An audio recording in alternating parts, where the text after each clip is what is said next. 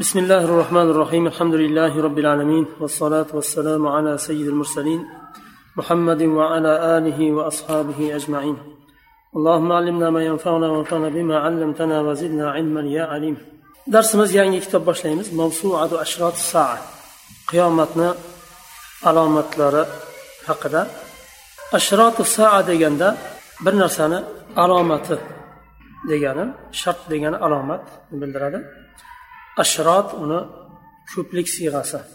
Ashroti saa ya'ni qiyomatni alomatlari. Saa degani lug'atda zamondan bir bo'lak vaqt uni hozirgi vaqtda bir kecha kunduzda yigirma to'rtdan biri deb olingan bu zamonni urfi u aslida bir soat deganda zamonni bir bo'lagi degani.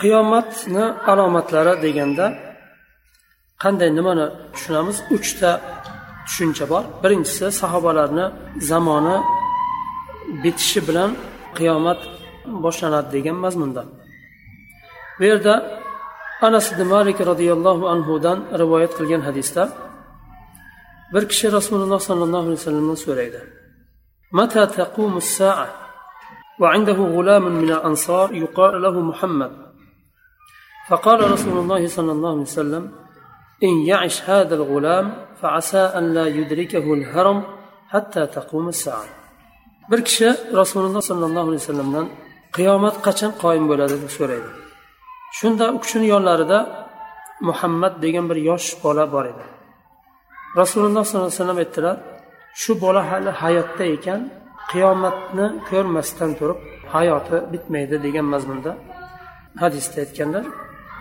buni mazmuni qiyomatni alomatlari yoyinki har bir kishini o'limi bilan qiyomati boshlanadi degan mazmunda ham tafsir qilishgan abdulloh ibn umar roziyallohu anhu aytadilar صلى رسول الله صلى الله عليه وسلم ذات ليلة صلاة العشاء في آخر حياته فلما سلم قام وقال أرأيتم ليلتكم هذه على رأس مئة سنة منها لا يبقى ممن هو على ظهر الأرض أحد عبد الله بن عمر رضي الله عنه aytadilar rasululloh sollallohu alayhi vasallam hayotlarini eng oxirida bizga imom bo'lib xuftan namozini o'qib berdilar va namozdan keyin aytdilar bu kechalaringni ko'ryapsizlarmi bu kechani yuz yildan keyin bugun yer yuzida yashab turgan kishilardan birortasi ham qolmaydi dedilar قال ابن عمر فوهل الناس من مقالة رسول الله صلى الله عليه وسلم تلك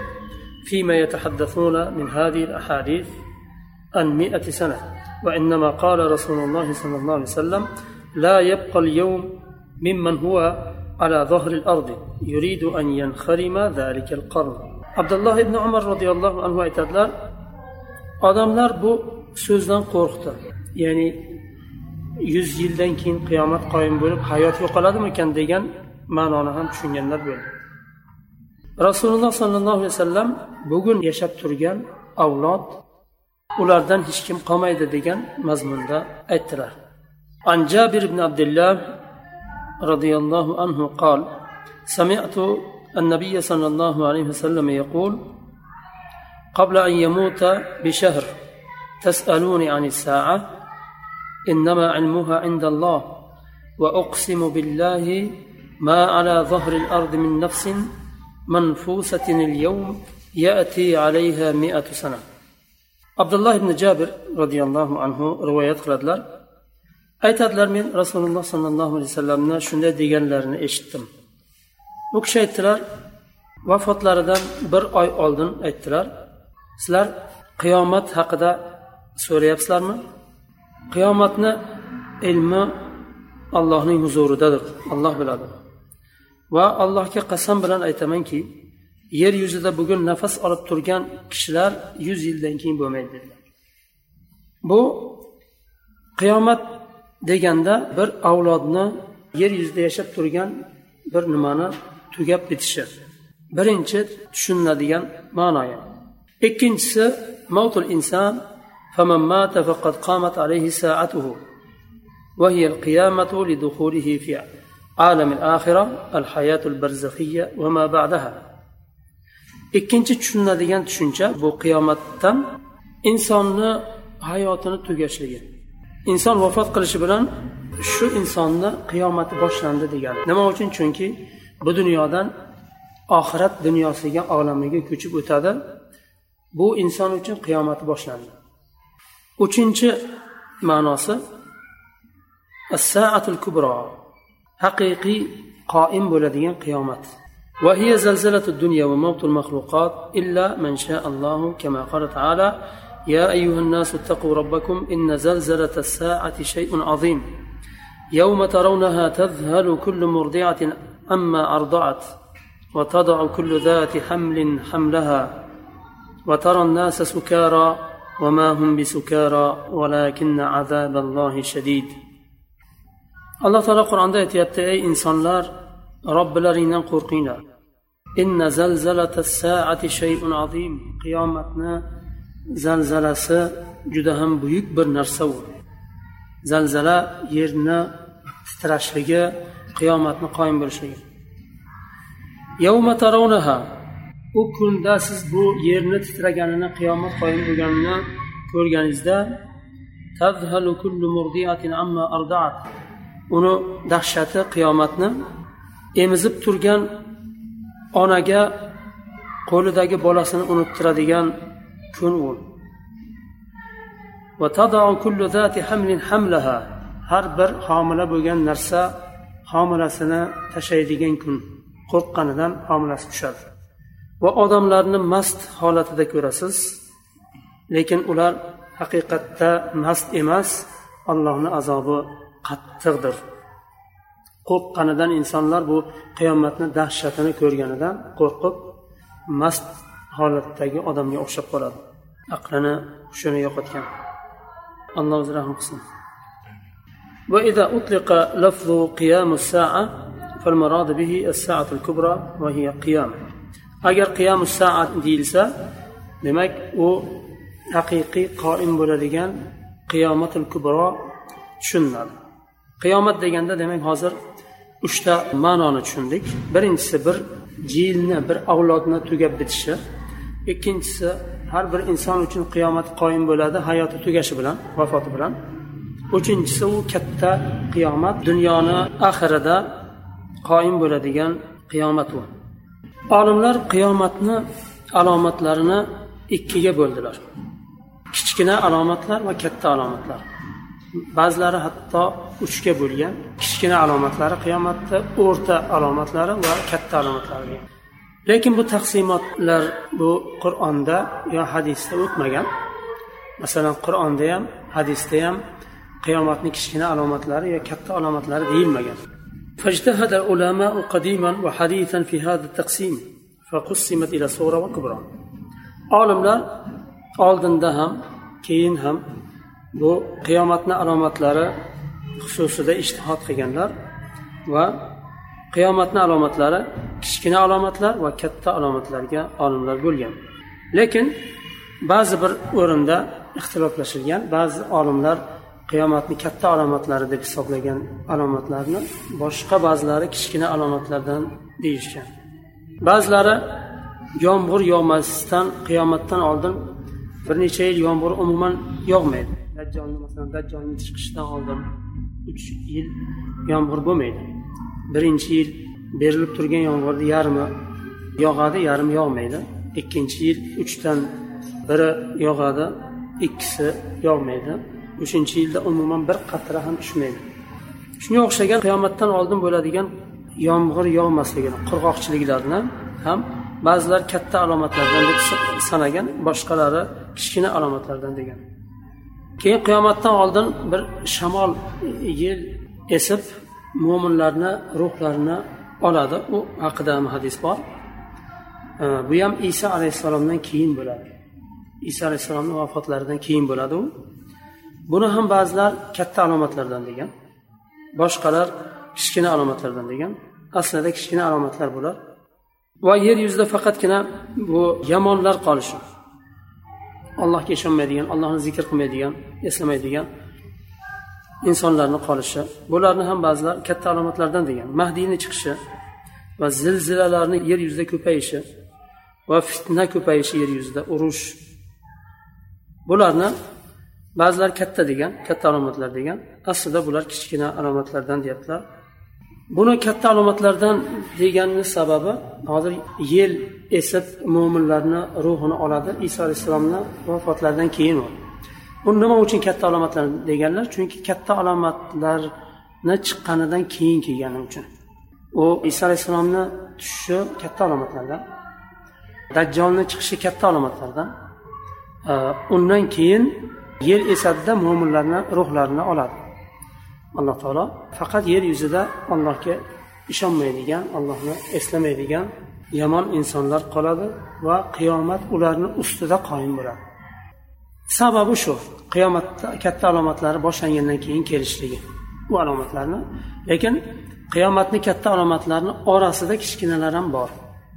Ba'zi alomatlar qiyomatni katta alomat ularni oldidan bo'ladi ba'zilari birga bo'ladi ba'zilari qiyomatni katta alomatlarini oralarida ham keladi.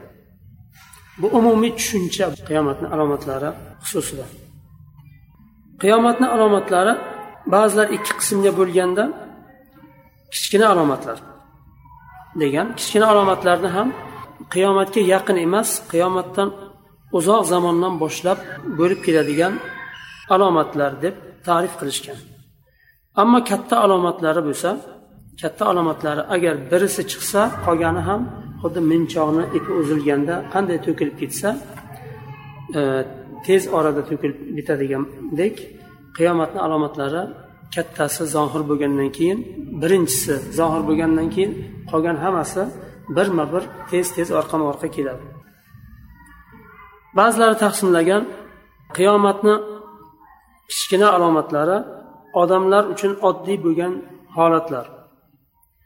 Ammo katta alomatlari g'oyrioddiy bo'lgan holatlar deyishgan. Odamlar uchun oddiy bo'lgan holatlar masalan uylarni yuksak binolarni qurish silatul rahmni uzilishi va odamlar ilmdan yuz o'girishi va yana silatul rahm aytdik uni. Shunga o'xshagan yo zinoni tarqalishi riboni tarqalishi ota onaga oq bo'lish umumiy bir tus olish ummatni ichida. Bularga o'xshagan nimalar? Insonlar taajjublanmaydigan ya'ni taajjublanadi lekin g'ayrioddiy bo'lmagan narsalar. Alomatni kattalari bo'lsa g'ayrioddiy bo'lgan narsalar. Iso alayhissalomni masalan osmondan tushishi yoyinki quyoshni mag'ribdan chiqishi g'ayrioddiy bu masalan rasululloh sollallohu alayhi vasallamni payg'ambar bo'lib yuborishlari qiyomatni alomatlaridan hisoblanadi. Kichkina alomatlarini boshlanishi deyilsa u kishini vafotlari va ikkita buyuk musulmon toifasi bir biri bilan to'qnashishi urushishi va fitnalar bo'lishi yer yuzida hijozdan o't chiqishi va shunga o'xshagan hammasi qiyomatni kichkina alomatlaridan. Va yana bu yerda sanab o'tganlar ayollarni ko'payishi erkaklarni ozayishi va musulmon ummatini ichida shirkni zohir bo'lishi va past insonlar ummatni boshiga chiqib olishi hukmda arzimaydigan ruvaybido past insonlarni hukmga kelishi. Bularni hammasi qiyomatning kichkina alomatlaridan. Hatto mahdiyni chiqishlari va furot daryosini to'silib suvi to'xtab ostidan e, oltindan bo'lgan bir tog'ni zohir bo'lishi va qahtonlik bir kishi chiqib odamlarni asosi bilan boshqarishi. Bular hammasi qiyomatni kichkina alomatlaridan. Ba'zilar katta kichikka bo'lmasdan bir boshidan hadislarni keltirgan. Masalan rasululloh alayhi vasallamni yuborishliklaridan boshlab to qiyomat katta qiyomat qoyim bo'lib dunyoni bitishigacha keltirishgan hadislarni. Bu yerda qiyomatni katta alomatlari dajjolni chiqishi iso alayhissalomni tushishlari yajuj va majujni chiqishi va dabbani chiqishi. Bir hayvon chiqadi odamlarni. Mo'min yo kofir ekanini gapiradigan hayvon chiqadi. Imom qurtubiy rahimaulloh oyatni zikr qilib qamar oyatini zikr qilib aytadilar qiyomatni alomatlari haqida va huzayfat ibn usayd roziyallohu anhu rivoyat qilgan hadisni keltiradilar bu hadisda qiyomatni o'nta katta alomatlari zikr qilingan huzayfat ibn usayd aytadilar رسول الله صلى الله عليه وسلم من غرفة ونحن نتذاكر الساعة فقال لا تقوم الساعة حتى ترون عشر آيات طلوع الشمس من مغربها والدخان والدابة وخروج يأجوج ومأجوج وخروج عيسى بن مريم والدجال والثلاث خسوف خصف بالمغرب وخصف بالمشرق وخصف بجزيرة العرب ونار تخرج من قعر عدن تسوق الناس أو تحشر الناس تبيت معهم حيث باتوا وتقيل معهم حيث قالوا حذيفة بن أسيد رضي الله عنه aytadilar rasululloh sollallohu alayhi vasallam g'urfalarida edilar va biz qiyomat haqida gaplashar edik o'zaro aytdilar qiyomat qoim bo'lmaydi to o'nta alomatni ko'rmagunlaringcha quyoshni mag'ribdan chiqishi duxon ya'ni tutun yer yuzida tarqalish. Va dabba bu qur'onda o'tgan nima? Va yajuj va majujni chiqishi. Isa ibn maryam alayhissalomni tushishlari va dajjolni chiqishi. Va uch husuf birinchisi mag'ribda bo'ladi ikkinchisi mashriqda uchinchisi arab jazirasida husuf bo'lishligi. Hasf u yer ahlini yer yutib ketishi. Va adnni qa'ridan o't chiqadi. Odamlarni mahsharga to'playdi. Qayerda odamlar to'xtasa tunasa tunaydi ya'ni to'xtaydi. Odamlar to'xtab tunagan yerda o't ham to'xtaydi. To mahshargacha yig'ib kelmaguncha. Bu o'nta alomat bitta hadisda berilgan. Va ba'zilar mahdiyni chiqishini qiyomatni katta alomatlaridan deyishgan sababi uni qiyomatni katta alomatlariga yaqin chiqishi uchun. Imom mahdiy qiyomatni oldindan chiqadi. Katta alomatlari boshlanmasdan oldinroq chiqadi. Shuning uchun katta alomatlaridan deb hisoblagan aslida aytadilar u kishi muallif hafizulloh imom mahdiyni chiqishi kichkina alomatlardan. Chunki yer yuzida o'zgarish kiritishini ham aytgan. Odamlar fasod kuchayib ketib yer yuzida din zaiflashib ketgan bir vaqtda alloh taolo imom mahdiyni chiqaradi va yer yuzida juda ham katta bir o'zgarish kiradi mahdiyni chiqishi bilan. Shu sababli katta alomatlardan deyilgan.